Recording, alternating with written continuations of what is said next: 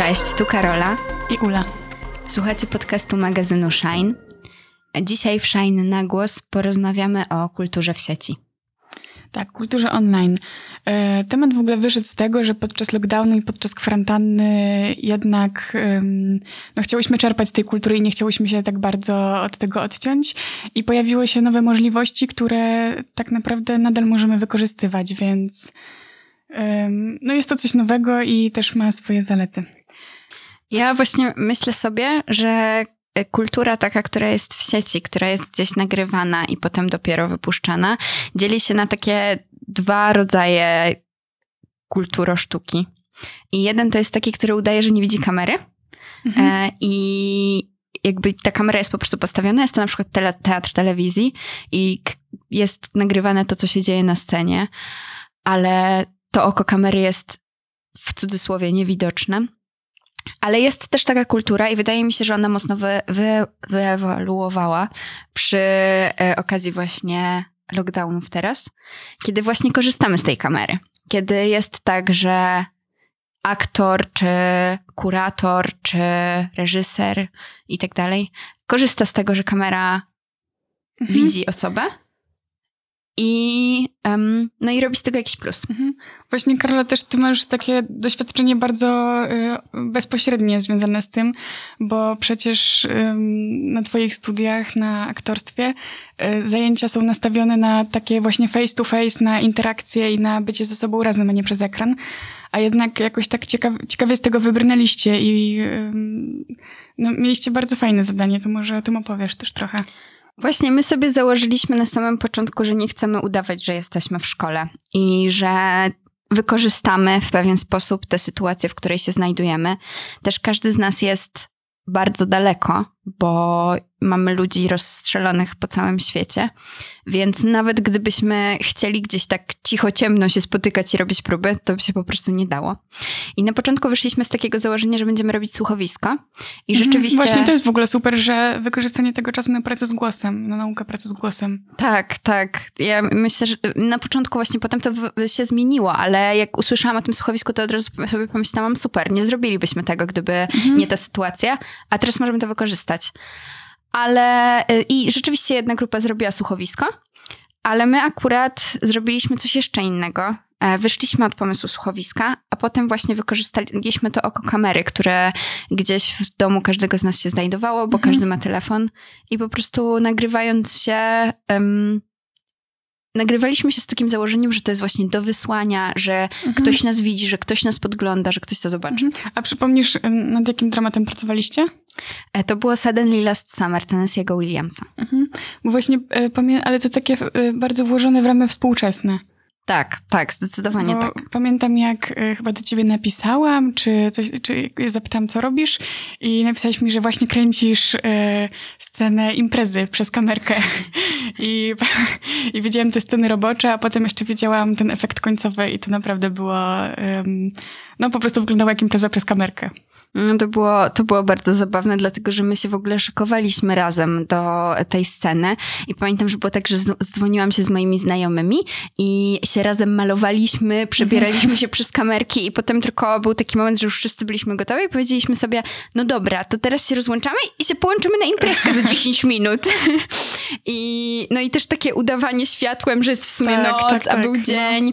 Dużo takich śmiesznych, śmiesznych rzeczy tam mhm. wychodziło.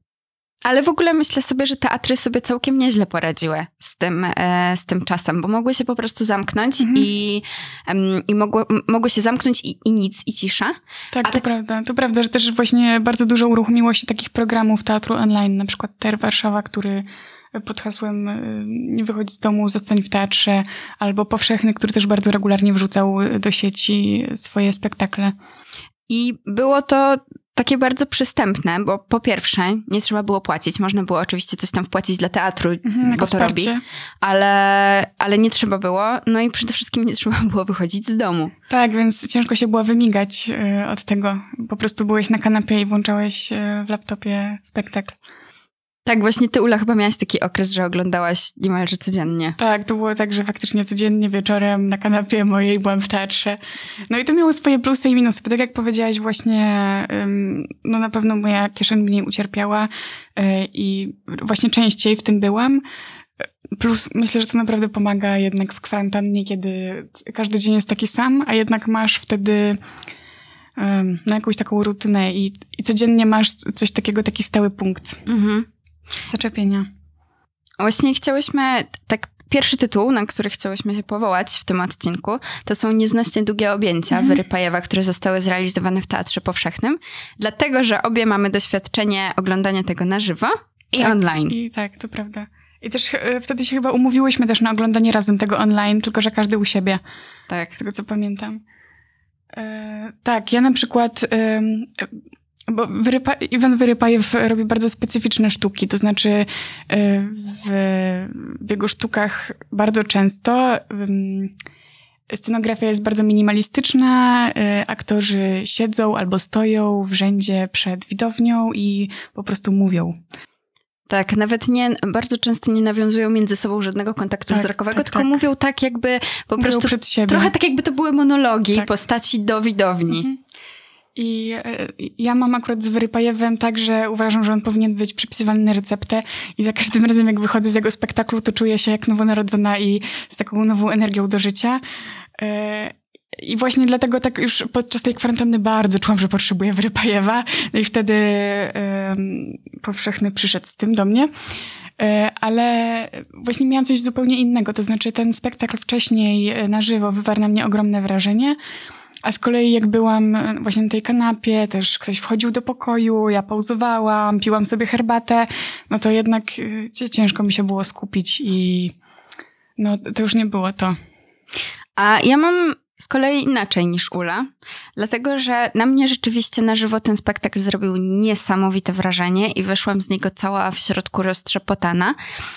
Ale jak obejrzałam go online, to on nabrał dla mnie trochę innej wartości, dlatego że zaczęłam dużo bardziej słyszeć te słowa. Mhm. A rzeczywiście słowo jest bardzo ważne u Wyrypajewa mhm. i tam tak naprawdę żadne, żadne zdanie nie jest powiedziane od tak, tylko, tylko to jest bardzo, bardzo wszystko przemyślane. Tak, ja mam poczucie, bo, że każde słowo jest na swoim miejscu. Bo to jest też takie główne medium Wyrypajewa tak naprawdę. Tam nie ma takich rozpraszaczy scenograficznych, czy kostiumowych, czy świateł. Tak, dokładnie. I ja po prostu się totalnie mogłam skupić na tym tekście, dzięki temu, że nie było tych bodźców wizualnych, które jednak ja najsilniej odbieram. Znaczy, były, no bo patrzyłam na ekran, ale jednak ten, te bodźce, które mi wysyła ekran, a te, które miałam jak byłam w teatrze i to wszystko było większe i ci mhm. aktorzy byli blisko, no to w teatrze było zdecydowanie większe. Więc nagle bardzo często nawet zamykałam oczy po prostu słuchając tego tekstu i nagle ten tekst nabrał dla mnie jeszcze, jeszcze bardziej jakiegoś takiego emocjonalnego znaczenia. Mhm. Trochę jak słuchowisko. Um, tak. Ja widziałam jeszcze w powszechnym w ramach właśnie kultury w sieci minimum E, Michała Selwińskiego. I może o tyle, o ile sam efekt nie jest aż tak um, warty opowieści, moim zdaniem, to proces był bardzo ciekawy. Mhm. Dlatego, że oni zaprosili, um, powszechny zaprosił do współpracy, wywiesił ogłoszenie, że chce zaprosić do współpracy ludzi z Pragi. I odezwała się do nich dokładnie jedna osoba, e, której zadaniem było to, żeby, zap żeby zaprosić dwójkę, dwie osoby, które brały udział w tym projekcie do siebie do mieszkania. Rozmawiali z tą osobą, wszystko było nagrywane i um, ona miała pozbywać się rzeczy ze swojego mieszkania. Miała doprowadzić swoje mieszkanie do minimum. Mhm. I pozbywała się ich, pozbywała, a oni z nią rozmawiali, jak się z tym czuje. I potem na podstawie tego powstał spektakl, który był e, połączeniem właśnie tego filmu mhm. i potem jakiś, jakiegoś takich powidoków um, osób biorących udział w projekcie. Mhm. Kurczę, ale jestem bardzo ciekawa, szkoda, że tego nie widziałam. Jestem bardzo ciekawa też tej osoby, bo y, to, że odezwała się jedna osoba i że jedna osoba odpowiedziała na to ogłoszenie, Jestem ciekawa właśnie, kto to był. Ale właśnie wydaje mi się, że to jest dalej dostępne na YouTubie, że akurat to jest, mm -hmm. że akurat to powszechny wrzucił na długo, mm -hmm. więc... No to super, to możemy obejrzeć. Możemy obejrzeć. Okej. Um, jeszcze, co jeszcze? E, widziałyśmy jeszcze w TR-ze um, Ewelinę Płacze, ob, ob, obie. Tak, tylko że ja widziałam na żywo. Aha, ty widziałaś na żywo tylko, ja widziałam tylko online. Tak. E, I właśnie tak wszyscy mi opowiadali, że muszę to obejrzeć, że to jest najlepszy spektakl ich życia, więc w końcu było to online i w końcu nie miałam wymówek i w końcu mogłam to obejrzeć. I no faktycznie bardzo śmieszne. To znaczy, cały spektakl jest trochę takim jednym wielkim inside joke'iem, bo jest no i to jest taka troszeczkę satyra yy, i widzów, którzy przychodzą do teru i aktorów, którzy grają w teerze, więc po prostu jak ktoś tam przychodzi i to ogląda, to to, to, to rozumie ten żart i się z tego śmieje.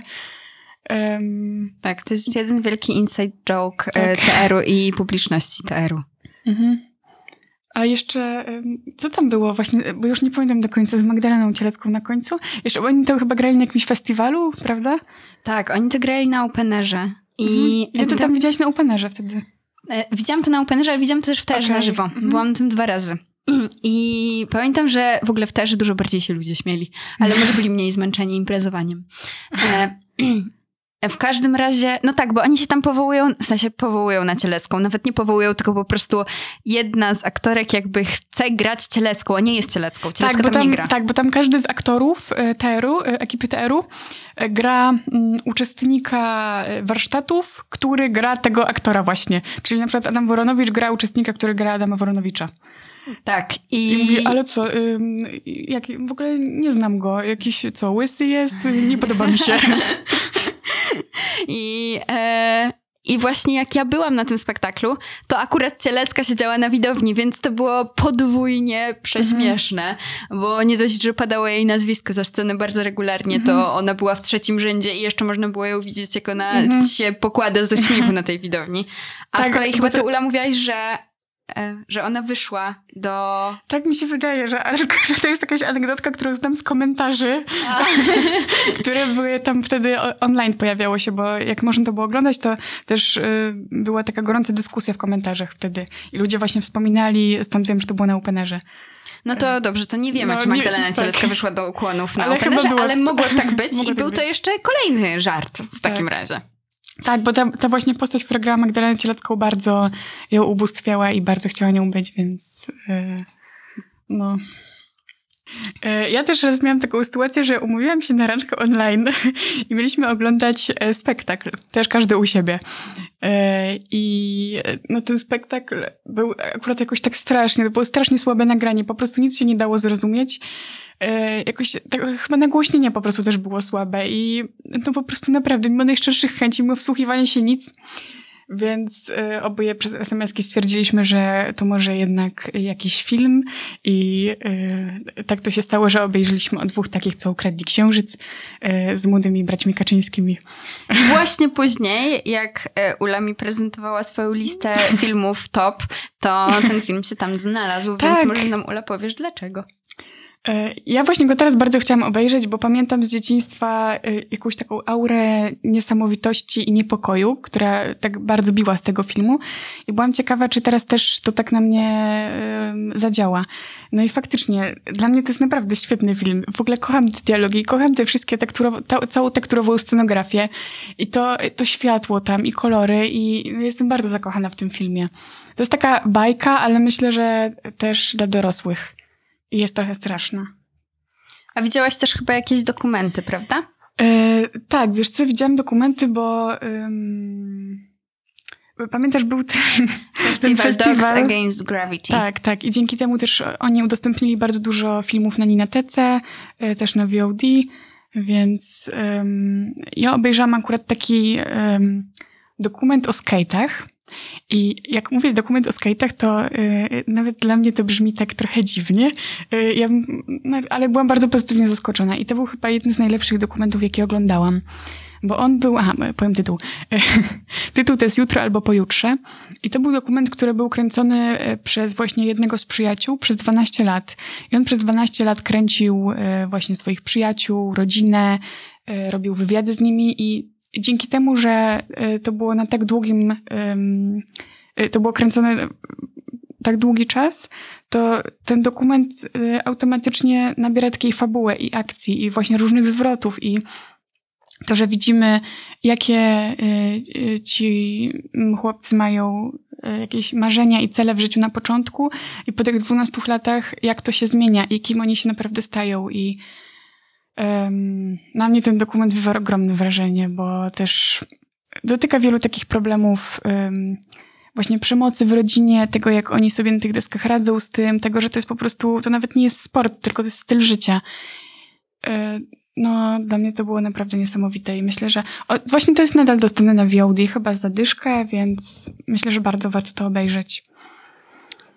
Ja w ramach tego festiwalu widziałam niestety tylko jeden film, jeden dokument, ale też e, e, polecam go bardzo. Nazywa się My Generation i ten cały dokument polega na tym, że Ma Michael Caine, aktor, oprowadza po Londynie swojej młodości. Mhm, właśnie chciałam tylko wtrącić, że naprawdę chyba pięć osób do mnie pisało, że właśnie to jest teraz dostępne na Dogs Against Gravity i żebym to koniecznie obejrzała. I nie obejrzałam, ale faktycznie ten film się cieszy bardzo dużą popularnością teraz.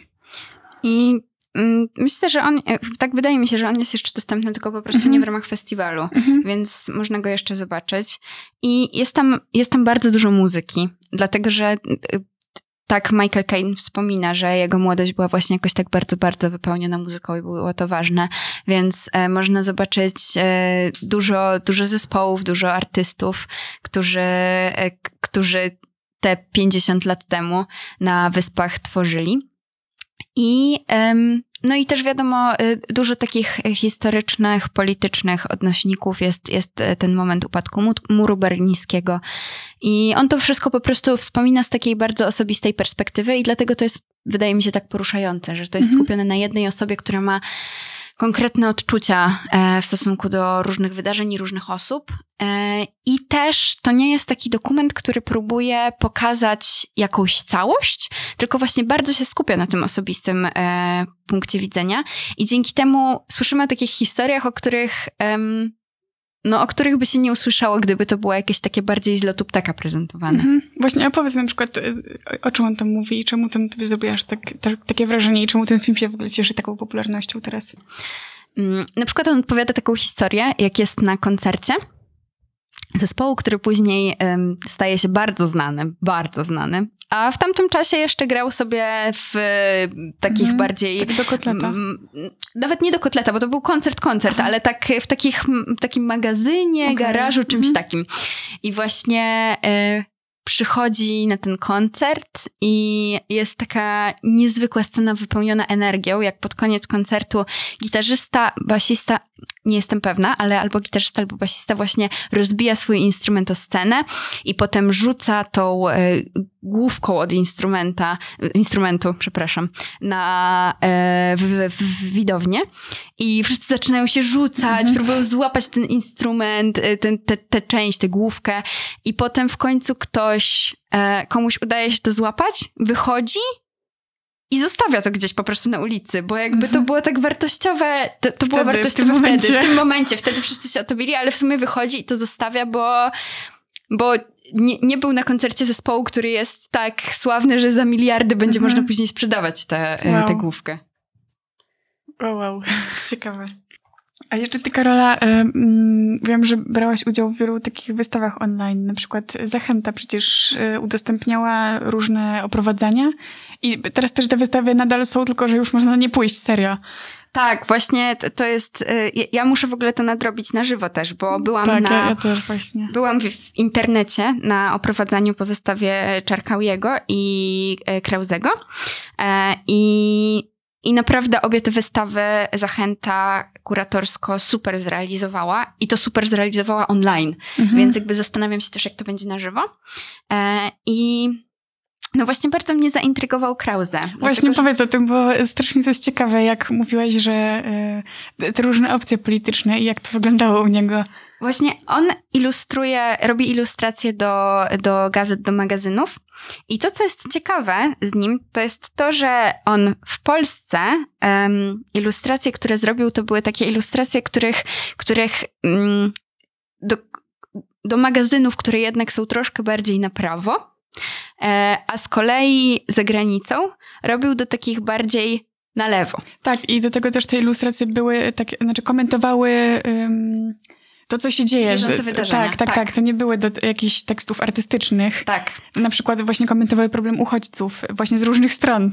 Tak, i to było bardzo ciekawe. Wiedzy, jakby, jeżeli wiesz, że to jedna osoba, jeden artysta i widzisz dokładnie ten sam problem, zilustrowany trochę tak, ale trochę inaczej. I I nie wiemy, jakie ma poglądy. nie wiemy, jakie ma poglądy. I ja właśnie się zastanawiałam, czy to jest tak, bo to jest jednak znane nazwisko. I się zastanawiałam, czy to jest tak, że on jakby to robi zarobkowo. E, czy może po prostu właśnie wcale nie. Może właśnie ma takie poczucie, no bo są tacy ludzie, którzy nie jakby się buntują przeciwko polityce i stronom i jakby mają takie, a wszystko jedno. Mhm. Ale No, nie wiem. Może tak. A czy to właśnie było też poruszane na tym oprowadzeniu, czy to była jakaś twoja obserwacja? Nie, nie, nie dowiedziałam się tego. Może można to jakoś sprawdzić, Mhm. ale nie wiem tego z wystawy. No ale na pewno to wybrzmiało na wystawie, te Absolutnie tak, absolutnie tak. Znaczy, to jest taki przegląd, że po prostu jak się idzie po tej wystawie, czy siedzi w łóżku i kamera idzie po wystawie, to, no to widzisz jedną koło drugiej ilustracji, które są zupełnie. No, no, zupełnie jakby, jakby inne oko, e, Mhm. jakby, nie, jakby inna ręka je rysowała. Mhm. I nie chodzi o kreskę, tylko właśnie Mhm. o treść jakąś tej ilustracji. Okej. Też podczas kwarantanny słuchałyśmy obie audiobooków, bo Empik mm, na czas lockdownu i tego wszystkiego udostępnił premium, więc za darmo można było słuchać y, i czytać y, audiobooki i e-booki, a ta Dalej można. Jest, dalej można, tak. Więc zarejestrujcie się. No. Słuchajcie książek. no i fajne są, jest duża kolekcja wartościowych rzeczy. I właśnie obie słuchałyśmy Joanny Bator, y, Ciemno prawie noc. Ja się do tego naprawdę zabierałam bardzo długo i też... ym, Strasznie dziwna historia się z tym wiąże, bo ja miałam Bator na półce bardzo długo e, i wiedziałam, że to jest bardzo wartościowa książka, że muszę do niej zajrzeć, znaczy zajrzeć, przeczytać, e, że dostała Nikę i że jest e, super wspaniała. Tylko, że akurat to wydanie, które mam, ma taką okładkę, która e, właśnie zupełnie mnie tak sprowadziła na inne tory, bo okładka wygląda trochę jakby to była taka okładka... em, Jakiejś sagi o wampirach. Sagi o wampirach, takiej opowieści e, dla młodzieży, które są na takich bestsellerowych półkach Empiku właśnie. E, I jest srebrnym, srebrnymi literami pisanymi napisany tytuł. I jeszcze ten font, właśnie którym jest cała książka napisana, jest też taki troszeczkę wampirowy. I przez to, przez takie moje pierwsze wrażenie, zupełnie nie wiedziałam, jak podejść do tej książki, bo ona też jest bardzo specyficzna sama w sobie, przez to, że łączy takie wątki trochę horrorowe z jakimś właśnie reportażem, ale też bardzo dużo różnych e, stylów tam się e, zazębia. Mm, Tak, są takie fragmenty, które e, jakby idzie sobie fabuła, a w międzyczasie na przykład są rozdziały, które się nazywają bluzgi em, i w których tak naprawdę ona czyta e, wycinki z rozmów takich, wiecie, w komentarzach. E, Tak, główna bohaterka. tak, tak. Czyta i, i to jest po prostu nick i wpis, nick i Tak, wpis. tak. I to są takie, wiecie, krzyczące, wulgarne wpisy, które już jak czytasz cały rozdział, to już po prostu boli cię głowa i już nie chcesz dalej nic robić. Pełne nienawiści, hejtu i tak dalej. I też to bardzo, one troszeczkę posuwają fabułę do przodu, ale bardzo niewiele. Więc tak naprawdę czasem już ja chciałam pominąć właśnie Karo, to co mówiłaś, że słuchałaś tego na przyspieszeniu. Na przyspieszeniu podwójnym, żeby Tak. już przeleciało, bo było tak No. ciężko potem. E, Ale cała ta książka właśnie jest taka, że ja nadal mam mieszane uczucia. To znaczy, z jednej strony bardzo doceniam e, i historia jest niesamowita i bardzo, bardzo wciągająca. No a z drugiej strony myślę, że nadal przez tą okładkę mam z tym problem. No, mi się bardzo mieszały odczucia co do tej książki, jak ją skończyłam czytać. I jak ją czytałam też. Jak ją czytałam, miałam takie momenty, że jakby nie chciałam się odrywać i chciałam zakończyć wątek, a miałam tak, że jak odłożyłam już tę książkę, to potem trudno mi było do niej wrócić. Że nie, nie miałam takiego czegoś, że patrzyłam na nią i myślałam sobie, ojej, co tam się dalej wydarzyło, tylko jakby tak jakoś odcinałam się od tej historii. Ale i potem jak skończyłam ją czytać, to najpierw myślałam, że no, Nikę, no, nie no, bez przesady.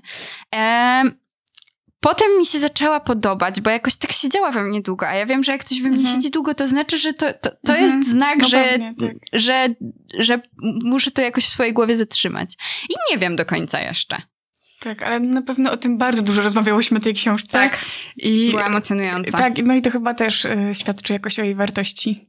I jeszcze, Ula, chcesz powiedzieć o swoim porannym odkryciu a propos głównej bohaterki? Tak! Główna bohaterka, bo właśnie próbowałam sobie przypomnieć, jak ona się nazywała i pomyślałam Alicja Bator. Nie, chwila, nie Bator, Tabor. I właśnie odkryłyśmy, że Bator i Tabor, czyli być może to jest jakieś alter ego autorki. No, y, na pewno nie jest to przypadek. tak. I było to odkrycie z, właśnie z dzisiejszego poranka, jak tutaj jechałyśmy do studia. Rozmawiałyśmy też wczoraj o tym, że y, często jak czyta autor książkę swoją, y, a czyta aktor, to też zupełnie się inaczej nią, ją odbiera. Ja mam takie doświadczenie właśnie z Mariuszem Szczygłem. A ja z Olgą Tokarczuk. Tak. Ale to może ty, Karola, tym więcej powiesz, bo pewnie u Tokarczuk to jest bardziej takie, y, że wybrzmiało. Poza tym ty chyba też słuchałaś czegoś, y, co czyta aktorka czy aktor? Tokarczuk? Tak. E, tak, ja, em, ja w ogóle zaczęłam sobie czytać, e, słuchać Tokarczuk, jak właśnie przyleciałam i miałam dwa tygodnie kwarantanny. I w- wcześniej ją czytałam po prostu w papierze, a wtedy zaczęłam słuchać, bo słuchałam sobie jej do jogi. Robiłam sobie godzinę jogi codziennie i włączałam Tokarczuk. I e, jak zaczęłam od prowadzić swój pług przez kości umarłych e, i potem jeszcze e, posłuchałam em, Dom dzienny, dom nocny? no właśnie tego słuchałam wcześniej. No nieważne. W każdym razie jest tak, że... A, jeszcze zaczęłam też prawiek. I jest tak, że czas, że niektóre, że część z tych książek, fragmenty czyta autorka, a część aktorzy e, i aktorki. I wydawałoby się, że aktorzy i aktorki, Mhm. interpretując to, Tak. sprawiają, że jest to jakieś takie bardziej atrakcyjne, Plastyczne. Mhm. bardziej takie w, w, wizualnie też działające, Tak. że od razu to sobie gdzieś wyobrażasz w swojej głowie. Ale właśnie obie mamy takie poczucie, Mhm. że nie. Że właśnie jak e, autorka czy autor czyta książkę, to jakoś tak w tym braku interpretacji, albo raczej interpretacji, która jakoś wchodzi Która była pierwotnie po prostu przy Tak. pisaniu. Dokładnie, dokładnie tak, że pojawiają się sensy, których, e, których nie ma, e, jak czyta, jak czyta ze swoją interpretacją Mhm. aktor czy aktorka. I też nasz e, e, przyjaciel właśnie wczoraj powiedział, że, że ma takie poczucie, że jak słucha, to też była a propos Tokarczuk, to, że słyszy tak w swojej głowie, jakby Mhm. on czytał, że Tak, on by tak, tak, czytał tak. z takimi samymi właśnie sensami, Mhm. gdyby sobie czytał po Mhm. cichu. I że Tak. to jest bardzo przyjemne. Tak, ale z kolei też jak słuchałam e, Welbecka na początku serotoninę kawałek, a potem uwikłanie. Uległość. Uległość, przepraszam. Każdy raz mi się myli. To e, i obie, obie te audiobooki czytał Adam Bauman. I po prostu niesamowite, niesamowite jak ten głos tego aktora pasuje do Welbecka i do tej powieści. To jest po prostu, no naprawdę, gdyby to ktokolwiek inny czytał, albo gdybym ja to czytała sama, to myślę, że to byłoby zupełnie coś innego. Naprawdę, ja jestem tym bardzo zachwycona.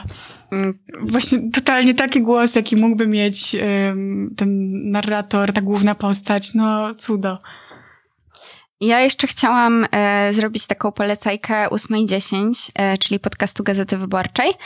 E, właśnie, znaczy w, ogóle oczywiście polecajkę, ale akurat w tym konkretnym nurcie kultury online, o której teraz mówimy i tej kultury w trakcie e, wirusa, dlatego że bardzo ciekawy jest taki cykl, w którym w 8.10 właśnie są rozmowy z Polakami, którzy wyjechali za granicę i teraz znajdują się za granicą. Co? Mhm. I mówią o tym, jak jest właśnie w Wielkiej Brytanii, a jak w Stanach. Mhm. Czasem to są reporterzy, którzy pojechali, żeby zebrać materiał i teraz tam są, a czasem to są ludzie, którzy po prostu e, imigro- emigrowali już jakiś czas temu e, i opowiadają o jakichś swoich doświadczeniach z tego, co jest teraz. I to jest cykl, więc to się, to się po prostu różne miejsca na świecie się tam pojawiają. Mhm. A też mówiłaś, że Michał Nogaś prowadzi to częściowo? Tak, e, właśnie Michał Nogaś ma tam dużo, dużo swoich odcinków i Książkowych. E, książkowych, ale nie tylko Mhm. książkowych. I ja naprawdę e, te odcinki, które on prowadzi, są najlepsze, najwspanialsze, moim zdaniem. A to jest na Spotify'u? Czy na YouTubie? Czy... To jest na Spotify'u, ale jest też na YouTubie. Tak, jest i tu, i tu. I chyba jest też na Apple Podcast. Mhm. Tak mi się wydaje. To tyle chciałyśmy Wam powiedzieć o kulturze w sieci. Em, a, i chciałyśmy jeszcze też zacząć, tak powiedzieć Wam, zrobić taką nawiązkę, a jeszcze pewnie w jakimś innym odcinku będziemy o tym mówić więcej, Mhm. że teraz już kultura się otwiera na taki kontakt bezpośredni. Mhm. I na pewno są kina letnie w Warszawie. Jest kino, Kino samochodowe, czyli y, bezpiecznie i ostrożnie. Dokładnie. Jest kino samochodowe na pewno na Żeraniu, na Wilanowie, a kina letnie na Włochach i na Targówku i są super tytuły. Tak, więc pewnie o tym też powiemy, bo właśnie y, robiłyśmy wczoraj listę, spisywałyśmy, patrzyłyśmy te tytuły i y, no, byliśmy cały czas wow, oglądałam to, ale to jest super, wow, i to, i to, i to, więc y, jest bardzo dużo fajnych filmów teraz. Chyba od I- lipca jakoś Od startują? lipca, tak. No jakoś nie, nawet chyba w ostatnim tygodniu właśnie czerwca już też Mhm. startują. I w, od lipca też rusza teatr dramatyczny, Tak. który jest jak na razie wyjątkiem na mapie Warszawy. Mhm. E, Ale mamy nadzieję, że Mamy nadzieję, że inne tak, że inne teatry podążą za nim. I em, no i na, na razie z tego, co widziałyśmy w tym repertuarze wakacyjnym, to e, Szczęśliwe Dni Beketa z Mhm. Mają Komorowską e, Bardzo. i z Ferencem. Bardzo. Bardzo. Bardzo. E, widzimy się pewnie u nas na Instagramie, na naszej stronie, na Facebooku. E, do usłyszenia za tydzień. E, Powiedzcie też właśnie, podzielcie się tym, co wysłuchaliście, co oglądaliście i czytaliście podczas kwarantanny i podzielcie się tytułami w komentarzach. Tak, jesteśmy bardzo ciekawe, co z wami jakoś zagrało. I też A co nie? Czy może oglądaliście i słuchaliście tego, co my? I czy może macie takie same zdania, może inne? tak, zróbmy taką wymianę dóbr kultu- kulturalnych.